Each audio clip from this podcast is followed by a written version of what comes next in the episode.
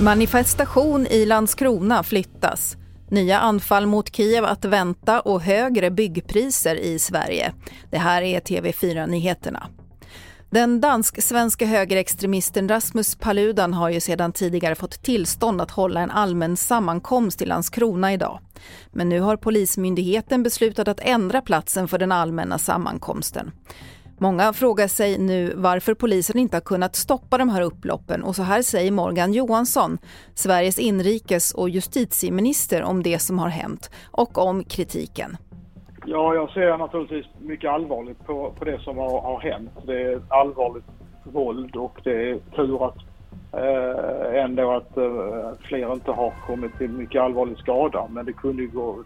Vi får ju se hur, hur det förlöper här resten utav helgen här. Ehm, det här är väldigt svåra situationer för, för eh, polisen att eh, hantera. Ehm, det är det inte bara för polis i vårt land utan det är i alla länder när det handlar om, om eh, den här typen av upplopp. Och man har ju träning och en, och en taktik som man använder sig av. Jag tycker man får utvärdera i efterhand då vad som eventuellt har gått, skulle, man skulle, eventuellt skulle kunna gått bättre den här gången.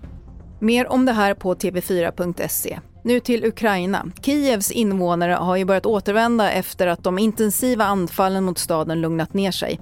Men nu varnar stadens borgmästare invånarna för att komma tillbaka för tidigt. Ryska försvarsdepartementet har också sagt att attackerna mot Kiev kommer att trappas upp. Till sist kan vi berätta att det blir dyrare än väntat för alla som vill renovera hemma i sommar. Det råder brist på allt från trägolv till gips, kakel och klinker. Bristen märks också i byggvaruhusen som har mindre än normalt av parkettgolv, plywood, armering, aluminium och sibirisk lärk. Det var nyheterna från TV4. Jag heter Erika Magnusson.